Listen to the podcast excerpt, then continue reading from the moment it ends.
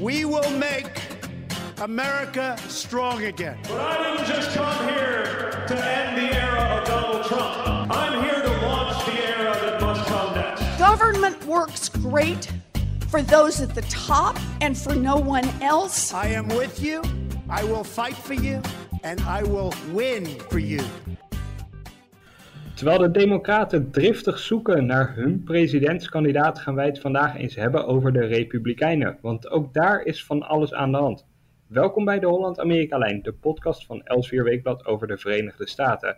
Mijn naam is Victor Pak en zoals altijd praat ik met Emiel Kossen, onze correspondent in Washington, D.C.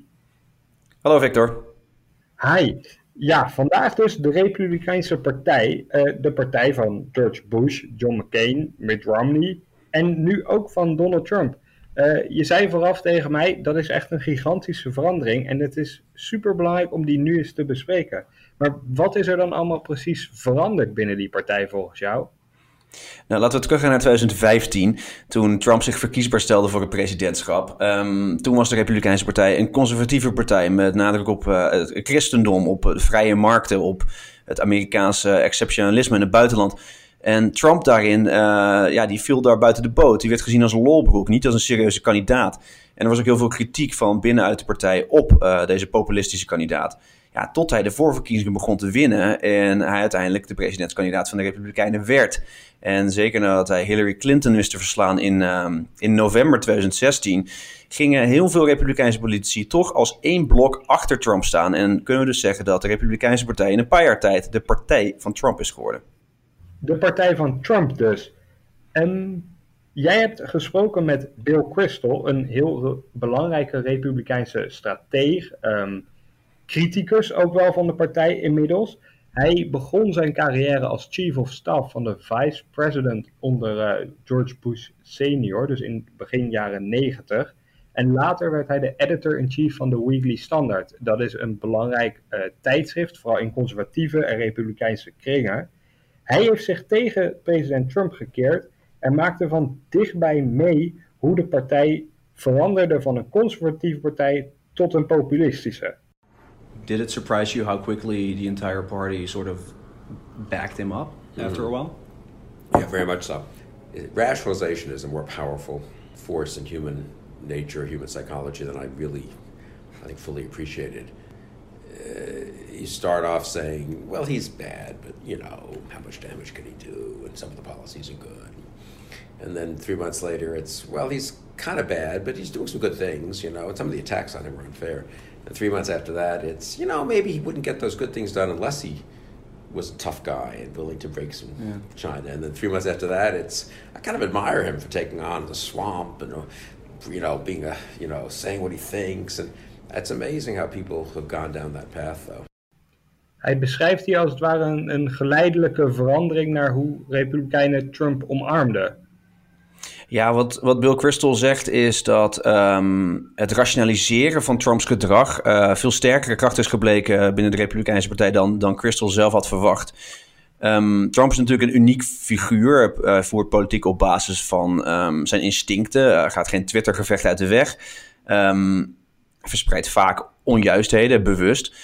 En nu heeft hij een partij achter zich gekregen die dat alles steunt. En dus zitten we nu opeens op een punt dat hele saaie congresleden onderdeel zijn geworden van het gevecht dat Trump wil voeren met de swamp. Um, vier jaar geleden had geen republikein kunnen denken dat ze bijvoorbeeld uh, Trumps aanval op de FBI uh, openlijk zouden verdedigen. Want de FBI was een republikeins bastion. Um, en je kan, je kan een hele lijst met onderwerpen afgaan. Uh, terugtrekking van troepen uit het Midden-Oosten. Opeens, door de jaren heen, het is eigenlijk net geleidelijk wat je zegt, door de jaren heen um, zijn de republikeinen achter Trump gaan staan. En moeten ze dus zijn strijd met de swamp om, om Amerika weer groot te maken, uh, moeten ze steunen. Maar de swamp, dat zijn die congresleden uiteindelijk toch ook zelf eigenlijk, of, of niet? Nou ja, ze hebben zich een beetje omgevormd. Ja, dat zijn ze zelf, inderdaad.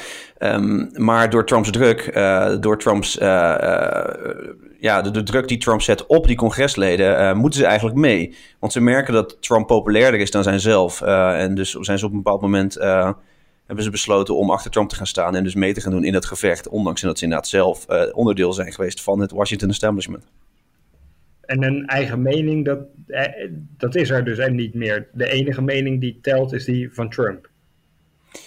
Nou ja, het is niet zo dat er geen uh, tegenstanders zijn geweest van Trump. Maar uh, in het congres hebben we het dan over. Maar de meesten hebben meegemaakt op, op, op pijnlijke wijze dat ja, de president veel meer aanhangers heeft dan zij zelf. pak bijvoorbeeld een senator als Jeff Flake of Bob Corker. Um, die bekritiseerde Trump openlijk en kreeg naar de wind van voren van de president en zijn supporters. En uh, ja, die twee senatoren zijn met pensioen gegaan. En ze zijn niet de enige. Uh, bijvoorbeeld in 2020 stoppen 27 congresleden ermee.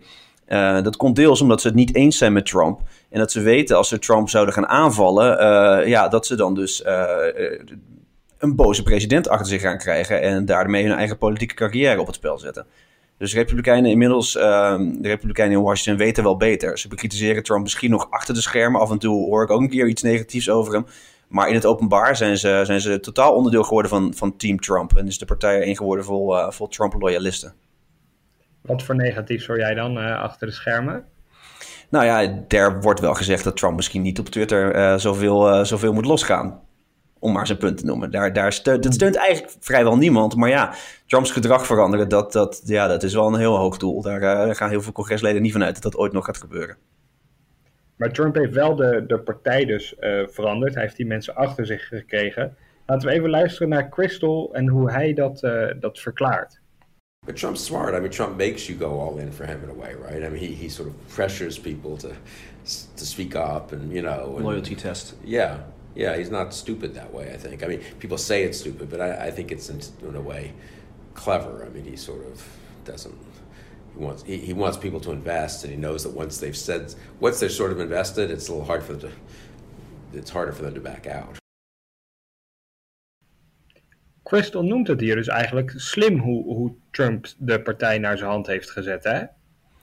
Ja, volgens mij is het ook slim. Uh, stapje voor stapje zorgt hij ervoor dat, uh, dat senatoren, congresleden, uh, ministers ook, dat die, dat die Trump steunen. Op het, moment, dat je, op het moment dat je Trump hebt gesteund, kijk naar Lindsey Graham, een senator die ooit heel erg anti-Trump was. Daarna is hij aan boord gekomen van Team Trump. Ja, die kan moeilijk weer terug.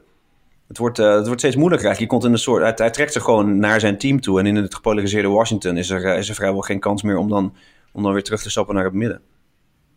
Ja, nuance, dat, uh, dat verdwijnt een beetje, dat midden inderdaad. Um, ik vraag me wel af of, of dit echt aan Trump ligt, of dat dit een, een ontwikkeling is die al langer gaande is. Um, je hebt een Amerikaanse journalist, Tim Alberta van Politico. Uh, die heeft een heel boek geschreven over de, het afgelopen pak een beetje decennium van de Republikeinse Partij. En hij beschrijft dat de, de populistische neiging al veel langer leeft binnen de partij. En volgens hem zie je het heel duidelijk terugkomen uh, bij de keuze van Sarah Palin, de running mate van John McCain. Een, uh, de voormalige gouverneur van Alaska was zij. Um, ze prees zichzelf voor het feit dat ze niet echt kranten las. ze zei ook dat je vanuit Alaska Rusland kon zien en dat dat een buurland was van de Verenigde Staten.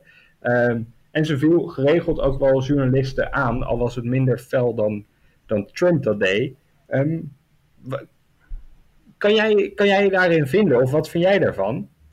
Nou ja, je ziet een aantal dingen uh, gebeuren in, in 2008 onder Sarah Palin. Um, ook met de opkomst van de Tea Party. Waarin uh, populisme een rol speelt. Economisch populisme in dat geval. En een aantal van die tactieken die, uh, die de Tea Party gebruikte. Uh, bijvoorbeeld hele diepe polarisatie forceren. Heel erg een groepsgevoel creëren. Ruzie zoeken met, met de tegenstanders.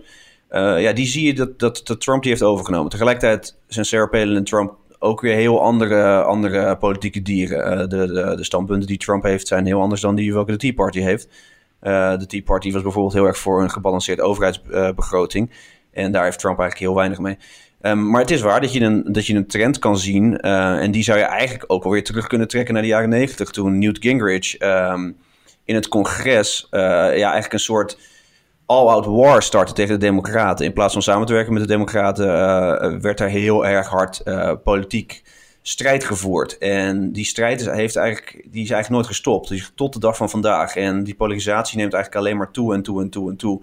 Dus zou je kunnen zeggen dat Trump is een symptoom daarvan. Het is een, een soort van uitkomst van al die jaren. En tegelijkertijd zorgt zijn gedrag ervoor dat dat eigenlijk alleen maar verder uitdiept die polarisatie gaat dus verder terug. Jij zegt zoals uh, van Newt Gingrich in de jaren negentig. Ehm, hij was de man achter de, de impeachment van uh, president Bill Clinton. Terwijl veel Amerikanen zagen dat misschien ook wel een beetje als een privé kwestie, die hele affaire met een uh, stagiaire en alle onzedelijkheden die plaatsvonden. Um, die polarisatie die toen is misschien wel eens ingezet, die, die zie je nu nog steeds. Wat, heeft, wat zijn de gevolgen voor de politieke verhoudingen? Nou ja, als je nu kijkt naar um, wat, wat Trump doet, is, um, zeg maar, het maakt eigenlijk niet zoveel uit wat Trump doet. De Democraten kraken het af. Stel dat Trump, ja, je zou heel goed argument kunnen maken dat zijn uh, belastingpakket, uh, zijn belastingmaatregelen een positief effect hebben gehad op de economie. Maar er is geen democraat die dat gaat zeggen in, in deze wereld, in deze gepolariseerde uh, versie van, van Washington DC. Tegelijkertijd heb je een partij die het gedrag van Trump constant normaliseert en goed praat. En dus publiekelijk helemaal aan boord is van Make America Great Again. En dat is natuurlijk eigenlijk een hele scheve situatie. Um, je snapt het ook wel, de democraten die, die willen Trump aanvallen... zodat ze uiteindelijk zelf weer de macht kunnen krijgen. Dus dat is er altijd wel geweest, maar het is, het is gewoon een stuk, een stuk extremer dan, uh, dan het vroeger was. Uh, aan de andere kant, de republikeinen die krijgen een hoop terug voor, voor hun steun aan Trump... Want wat ik zei, het belastingpakket, dat is, dat is heel normaal conservatief beleid. Dus je hebt een president die, die uh, qua gedrag heel erg uit de toon valt. Er is geen republikeins congreslid die, die zijn stijl heeft. Maar tegelijkertijd is er conservatief beleid, is er een, een belastingverlaging, zijn er allerlei conservatieve rechters benoemd, uh, zijn er scherpe immigratiemaatregelen. Dus het is wel te verklaren dat, dat veel republikeinen uh, op dit moment de prijs nog niet te hoog vinden om Trump te, te steunen. En die prijs is niet te hoog, omdat dus de toon van de president misschien wel heel anders is dan hun eigen toon. Maar de inhoud van zijn daden, waar het uh, voor hen uiteindelijk misschien dan echt om gaat, die is, die, die is gelijk aan wat ze zelf vinden. En dat zie je dus ook wel terug in de impeachment, waarin niemand van de Republikeinen althans de president durft te bekritiseren. Ja, dat was misschien wel het symbolische moment van, uh, van in hoeverre de Republikeinse Partij de partij van Trump is geworden. Want um, ja, we zagen maandenlang democraten allerlei argumenten maken over hoe de president zich had misdragen uh, in de kwestie Oekraïne. Um, en de Republikeinen die dat elke keer, keer op keer gewoon wegzetten als, als onzin. En uiteindelijk was er geen Republikein in het Huis van Afgevaardigden en eentje in de Senaat die, uh, die impeachment steunde. Maar eigenlijk nog gekker was dat er überhaupt uh, ja, geen Republikein kritiek durfde te geven op de president. Ondanks dat zijn gedrag uh, ja, in ieder geval opzienbarend was. En in deze tijd is het dus is het zelfs te veel om, om daar een vraagteken bij te zetten. Pas helemaal op het einde waar, was er een, een groepje Republikeinse senatoren die zei... ja, misschien was het niet helemaal oké wat hij deed... maar niet genoeg om, om een president af te zetten. En dus dat was wel een, ja, het was wel een symbolisch moment om te zien... hoe, hoe die partij uh, een heel rondje heeft gemaakt... en nu helemaal achter Trump staat. Er was eigenlijk maar één, één persoon die een beetje weerstand bood... en dat was Mitt Romney, de voormalig presidentskandidaat van de Republikeinen... Ja, die dus voor een andere partij stond. Die voor een partij stond van, van inderdaad, uh, nou ja, acht jaar geleden. Ja, als enige dissident, uh, zeg maar. Um, hij kreeg van Bill Crystal uh, alle lof toegezwaaid, begreep ik. Ja, want Bill Crystal die, die heeft nu een politieke organisatie, is een politieke organisatie gestart. Um, hij is dus een old school republikein, een, een neerconservatief. En um, met zijn organisatie zet hij druk op Republikeinen om Trump af te vallen, om Trump aan te vallen. Uh, er worden commercials gemaakt, er worden billboards opgehangen, uh, dat soort dingen. Vice President Pence believes it would be a conflict of interest to accept foreign and corporate donations to your foundation if you were president. When it comes to President Trump's conflicts of interest, all Mike Pence has to say is: Who cares? America does, Mr. Vice President. Hebben die acties van Crystal nou veel effect? Op het oog niet. Um, wat we dus zagen met de impeachment-procedure is dat die partij helemaal gedraaid is. Um, en ja, dat, dat, het niet, dat lijkt er niet op dat er nu opeens senatoren of zelfs de vicepresident uh, ja, zullen zeggen van nee, Trump is eigenlijk toch geen, geen goede keuze. Um, maar ja, dit is omdat Trump nu de president is. Er is natuurlijk een, een, een machtsbalans hier aan de gang. Als Trump verliest, dan is natuurlijk de grote vraag wat er gebeurt met die partij. Blijft het dan een soort van, van Trumpistische partij? Of, uh, of komt er dan een, een, een heel ander figuur uh, die, die de partij gaat leiden? En ook daar heeft Crystal, uh, Crystal wel een idee over. And if you look at the party, are you optimistic or are you, are you pessimistic about this? Pretty pessimistic. You don't see many signs of people breaking, and uh, you'd think more them would. Maybe they will. And I think it's worth fighting because you know you don't you don't want to give up on one of the two major parties. I mean, the thing that's been driving me is it's actually very good for America that uh, we have had a center right party and a center left party that are pretty responsible most of the time. I wouldn't overstate it, but most of the time. We haven't had a European style, if I can put it that way, a populist nationalist right wing party, and we haven't had, a, of course, a communist or party or, uh, on the left. Uh, that's one of the things that's distinctive about America. Um, we've had elements, but they've never been dominant in either party, and and uh, that I think is at some giving up on the Republican Party and letting it become a Trumpy party would be unfortunate. Hij wil niet opgeven, hè, de, de Republikeinse Partij. Uh, vooral omdat, omdat hij het systeem in Amerika zo waardeert, namelijk twee redelijk gematigde partijen. Um, ik vraag me alleen af of dat nog een reële kijk op de zaak is, want bij de Republikeinen heb je dus Trump. Maar de Democraten zitten. Um, sommige Democraten kijken argwanend naar Sanders, anderen die omhelzen hem. En daar is ook een soort stammenstrijd uh, gaande. Ja, daar heb je gelijk. Um, het twee-partijsysteem heeft natuurlijk lange tijd politici voortgebracht die, uh, uh, die een beetje in het midden uh, zich opstelden om, om kiezers van andere, van andere kant te trekken. Trump deed dat niet. Trump was rechtspopulistisch en Sanders zou net linkspopulistisch zijn. Um, met een congres, als je nu kijkt naar het democratische congres, ja, er zit bijna geen Sanders supporter in. Dus uh, stel dat Sanders zou winnen, uh, dan heeft hij in de Senaat, nou ja, misschien Elizabeth Warren die hem zou steunen. Maar voor de rest is er bijna geen democratische senator die, die zijn platform steunt. En in het Huis van Afgevaardigden hetzelfde. Um, ja, dan, dan ga je dus af op, een, op misschien wel een vergelijkbare strijd die Trump heeft gevoerd. Maar dan binnen de Democratische Partij. Sanders tegen de gematigde Democraten. En de Republikeinen dan als partij die fel verzetten tegen Sanders? Of hoe schat je dat in? Nou ja, voor Trump is het, uh, is het eigenlijk een, een, een, relatief makkelijke aanpak. Als je Bernie Sanders uh, vooruitschuift als democraat, dan kan je uh, eigenlijk alleen maar heel hard socialisme roepen. En dan heb je meteen al de helft van Amerika in jouw team. Want er was pas nog een poll van, van Gallup en die liet zien dat socialisme een van de, van de meest giftige politieke termen is. Nog steeds in Amerika. Socialisme wordt altijd verbonden aan het communisme in Amerika. dat komt voort uit de Koude Oorlog, uit de retoriek die toen werd gebruikt. En tot de dag van vandaag ga je ervoor zorgen dat je een hele hoop kiezers afschrikt als je zegt uh, dat je een socialist bent. Bernie doet dat op trotse wijze en een hoop jonge mensen vinden dat, uh, vinden dat geweldig. En daarom kan hij het in de voorverkiezingen goed doen, want daar komen de meer, um, meer activistische kiezers opdagen. Maar um, ja, voor Trump wordt het wel een relatief, uh, in ieder geval makkelijke tactiek. hard, hard roepen, dit is een, een tussen aanhalingstekens gekke, gekke socialist. Hmm. Dus het is een makkelijke tactiek. Maar is het dan ook een makkelijke overwinning als dit scenario werkelijkheid wordt? Of kan Sanders toch nog iets, iets doen tegen Trump? Nou ja, de, de, de, de, zogenaamde kenners denken allemaal dat Sanders geen enkele kans heeft. Uh, dat zou ik niet zo snel zeggen, want uiteindelijk is Trump een relatief impopulaire president. Uh, heeft nog nooit een positief rapportcijfer gehad, dus altijd meer dan de helft van de mensen zijn tegen hem. Um, dan heb je dus eigenlijk twee niet heel populaire figuren tegenover elkaar staan. Uh, en dan gaat het erom wie, uh, wie de meeste kiezers uh, toch weet op te trommelen.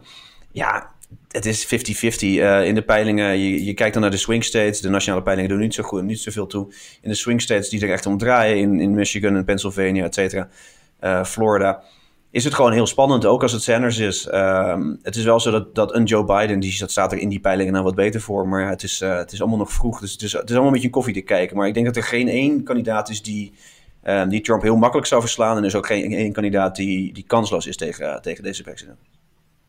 Dat klinkt een beetje als een herhaling van 2016 met uh, mogelijk twee impopulaire figuren als kandidaat voor het presidentschap. Het is de Amerikanen niet echt gegeven wat dat betreft. Ja, het is een algemene uh, negatieve sfeer tegen politici. Uh, maar ja, dat is natuurlijk ook een van de redenen waarom, uh, waarom iemand als Trump het, het, relatief goed doet. Hij is heel erg tegen de, establishment. En, en, en Bernie doet dat ook een soort van, ondanks dat hij natuurlijk al tientallen jaren in het congres zit, is het wel een buitenbeentje, een vreemde eend in de bijt. Of zoals Hillary Clinton zei, ja, niemand mag Bernie. Maar ja, dat is eigenlijk zijn, zijn, zijn kracht in deze, in deze voorverkiezingen. Want hij, hij weet zich ja, te laten zien als iemand die echte verandering aanbiedt. In plaats van, uh, ja, van de gevestigde orde van, van Joe Biden bijvoorbeeld. Hmm.